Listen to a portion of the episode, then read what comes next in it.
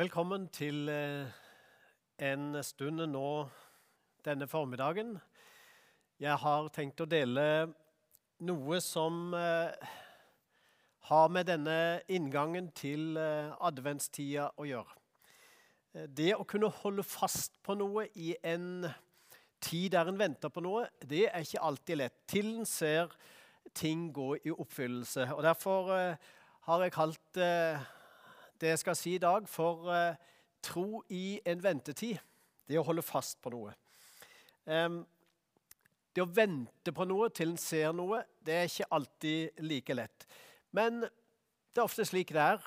Ofte er det i den ventetida at veldig mange spennende ting skjer. F.eks. de som går på pilegrimsturer. Eh, jo da, de kommer fram til et mål de har satt seg, men når en ser tilbake, så er det faktisk den bevegelsen de hadde fra de starta til de var framme, det er den som de husker godt. Det er der det skjedde ting. Altså langs veien, på veien. Eh, min eh, medpastor her, Jim, og broren de hadde en sykkeltur for et par år siden fra Nordkapp og til Lindesnes.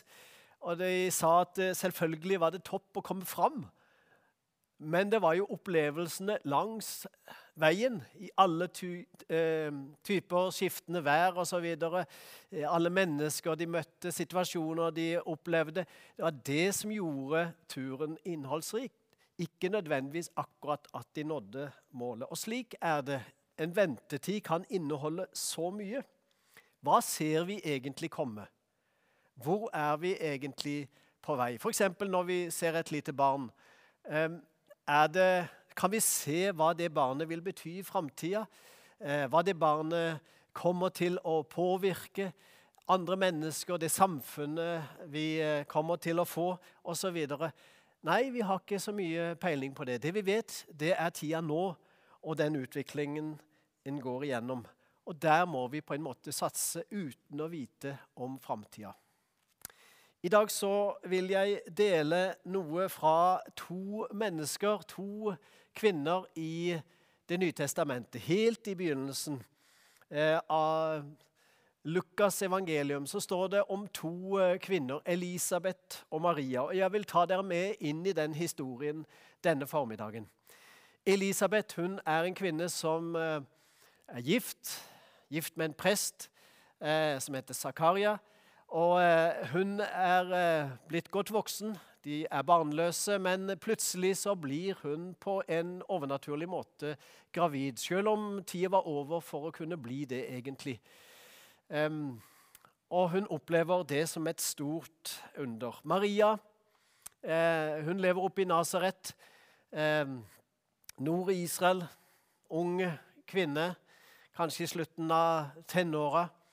Eh, ugift, men forlova med en eh, kar som heter Josef. Og Det er disse to kvinnene, Elisabeth oppe i Jerusalems, eller i Judeas fjellene, i byen El Kerim, eh, og Maria fra Nasaret, når de møtes, og de tre månedene de får ha sammen, det møtet vil jeg fortelle og dele noe fra i dag. Og Det står altså i Lukas evangelium kapittel 1 fra vers 39. La oss lese. Noen dager senere dro Maria av sted og skyndte seg opp i fjellbygdene, til den byen i Juda hvor Zakaria bodde. Der gikk hun inn til Elisabeth og hilste på henne. Da Elisabeth hørte Marias hilsen, sparket barnet i magen hennes. Hun ble fylt av Den hellige ånd og ropte høyt, 'Velsignet er du blant kvinner, og velsignet er eh, frukten i ditt mors liv.' Hun fortsetter, 'Men hvordan kan det skje at min Herres mor kommer til meg?' For da lyden av din hilsen nådde øret mitt, sparket barnet i magen min av fryd. Og salig er hun som trodde, for det som Herren hadde sagt til henne, skal gå i oppfyllelse, roper Elisabeth høyt. Og Denne hilsen blir så Maria møtt med av sin slektning eh, Elisabeth. Og Det er i denne situasjonen at eh, holdt på å si, gnisten springer, og det oppstår et, kanskje et nærere vennskap, et utdypa vennskap som vi sjelden ser beskreven i Bibelen. Det hadde vært englebesøk på gang. Eh, Maria hadde fått besøk av engler som eh, sa at hun skulle føde verdens frelser. Det var så stort. Eh, hun måtte dele det med noen. Og Det var fire dagers reise opp til denne fjellbyen Ein Kerem oppe i Judeas eh, fjelland like utenfor Jerusalem. Eh, hvorfor reiste Maria dit egentlig? Eh, kunne ikke snakke med sin mor, eller var hennes mor død på det punktet? Var hun morløs? Hadde hun ikke noen nære venner å kunne betro seg til? Vel, hun dro i hvert fall opp til Elisabeth langt unna. Det var fire dagsreiser, så det var ganske langt å dra. Men hun valgte det. Hun trengte noen rett og slett å snakke med i denne spesielle situasjonen. Josef, eh, Maria sin eh, forlovede, han visste ikke enda om at Maria var gravid. Og Hun var nok spent på og redd for hva dette ville bety for forholdet deres, eller i det hele tatt for livet hennes framover. Og Det er spesielt å lese hvis vi hadde gått til Matteus evangelium kapittel 1. Så viser den denne situasjonen fra Josef sin side, altså forloveden til Maria. Men nå er vi i Lukas evangelium kapittel 1, og der viser det situasjonen fra Marias ståsted. Fra kvinnas ståsted. Hun som bar Jesus eh, i sin mage, og som eh, skulle bli mor til verdens frelser. Og det er her hun møter Elisabeth. Det er flott å legge merke til Marias innstilling og holdning og hvordan den kommer til uttrykk. For det første så ser vi at Maria er ydmyk. Hun sier 'la det skje med meg', som du har sagt, sier hun til engelen når hun får besøk. Altså, hun protesterer ikke. Hun eh, sår ikke tvil om muligheten for at det skal skje, men hun sier 'la det skje med meg'. Det er nesten som å høre Jesus når han lærer disiplene å be en del år seinere. Eh, i, i, den kjente bønnen 'Vår Far', eller 'Fader vår', som vi også kaller den. Og det skjer, Inni den bønnen så står det 'Skje din vilje'. Det er nesten å høre det samme. Eller for eksempel eh, i Johannes evangelium, der eh, eh, Thomas har tvilt på Jesu ord, men så åpenbarer han seg etter at Jesus sto opp igjen. Og Så sier han dette til Thomas. Salig er de som ikke ser, og likevel tror. Og Det var det Maria gjorde. Hun trodde, selv om hun ikke kunne forstå det, hun kunne ikke se det, hun kunne ikke vite resultatet av det. Men hun sa 'la det skje med meg som du vil'. En fantastisk holdning og en ydmyk innstilling i livet. Der har vi noe å lære, alle sammen. Og så har du Elisabeth. da. Hvordan var det med henne?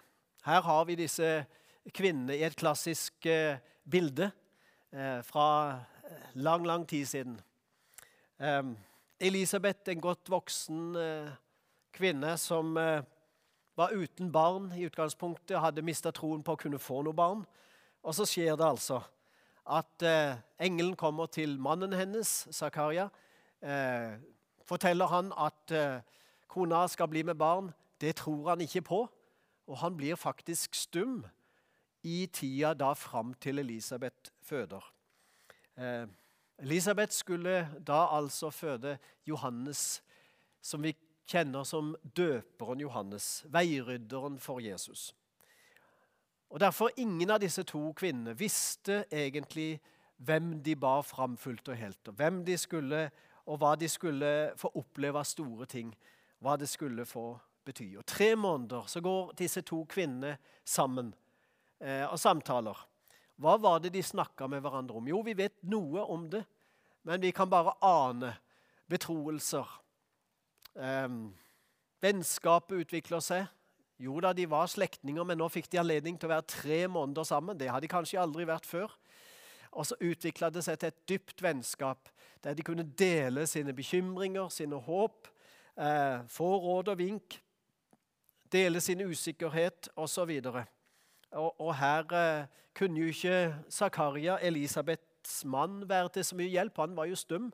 Så det var disse to kvinnene som hadde hverandre og kunne snakke med hverandre. Og Derfor blir møtet mellom Elisabeth og Maria helt spesielt.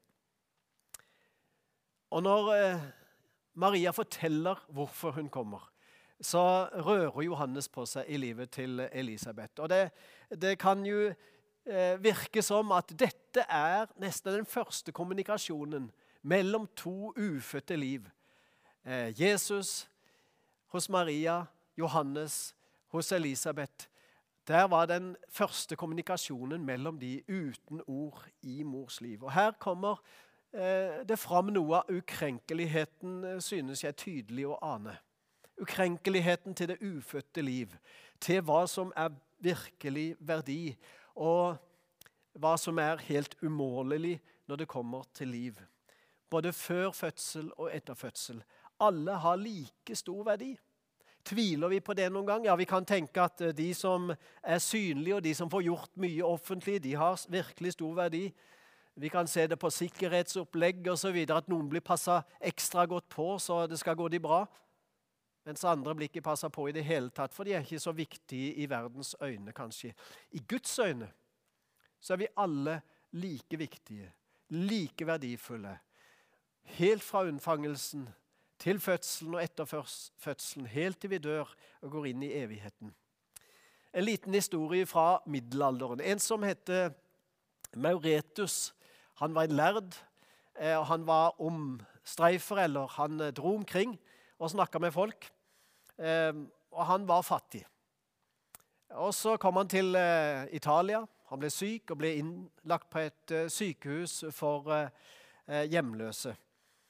Og Da kommer legene. og Hør på hva de sier. Legene diskuterte tilfellet hans på latin, altså et lært språk, da. Uten å drømme om at han kunne forstå de, at Mauretus kunne forstå dem. De foreslo at siden han var en slik verdiløs omstreifer, kunne de kanskje bruke han til medisinske eksperimenter. Han så opp og svarte de på deres eget lærde språk. Kall ikke noe menneske verdiløst, som Kristus er død for. Hvem er Kristus død for? Han er død for alle mennesker. Han er verdens frelser. Ikke bare de som tror på han, ikke bare de pene og pyntelige, de som går hans vei, eller eh, interesserte, eh, de som går på gudstjenester eller søker Gud. Nei, han er verdens frelser. Han har skapt alle med en ukrenkelig, umålelig verdi. Det skal vi holde fast på i en tid som denne. Det fikk Maria og Elisabeth erfare noe av. Så kommer lovsangen og, og bekjennelsene på rekke og rad. Og Elisabeths første reaksjon, hva var den? Jo, det var egentlig den første store Kristus-bekjennelse vi har i Det nye testamentet. Der hun rett ut sier at 'Herrens mor kommer til meg'. Det vil si, hun bekjenner rett ut 'Jeg tror at verdens frelser, Messias, Herren Gud, han kommer til meg gjennom deg, Maria. Dette tror jeg på. Det var en høylytt bekjennelse av Kristus. Den første vi finner i Det nye testamentet. Det er verdt å legge merke til. Og Etter Maria, eh, Elisabeths sin høylytte reaksjon så kommer Maria sin mer stille eh, bønn, poesi, lovsang blir den kalt. Marias lovsang. Lukas' evangelium er jo skreven først og fremst på gresk. På en klassisk gresk så begynner Lukas å beskrive eh, det som skjer. Men når han skal beskrive Marias lovsang, Marias bønn, det hun sier ut, poesien, så må han bruke på en måte det hebraiske det jødiske opprinnelige språket og poesien der for å få fram det som skjer. Pga. at det er henta fra Det gamle testamentets profetier. Alt er henta derfra. Det Maria synger ut, det Maria eh, forkynner og lovsynger og tilber om. Og dette er eh, en måte en samling, en sammensmeltning av Det gamle testamentets eh, profetier, forutsigelser om at Messias skulle komme en dag. Og nå begynner Maria å forstå hvem hun bærer i sitt indre. Jesus som skal bli verdens frelser. Hun vet ennå ikke alt, men her kommer det til uttrykk hennes første forståelse av det. Og Det kunne vi ha lest mye om eh, nedover. For så sier hun, for store ting har han gjort mot meg. Han den mektige, hellig er hans navn.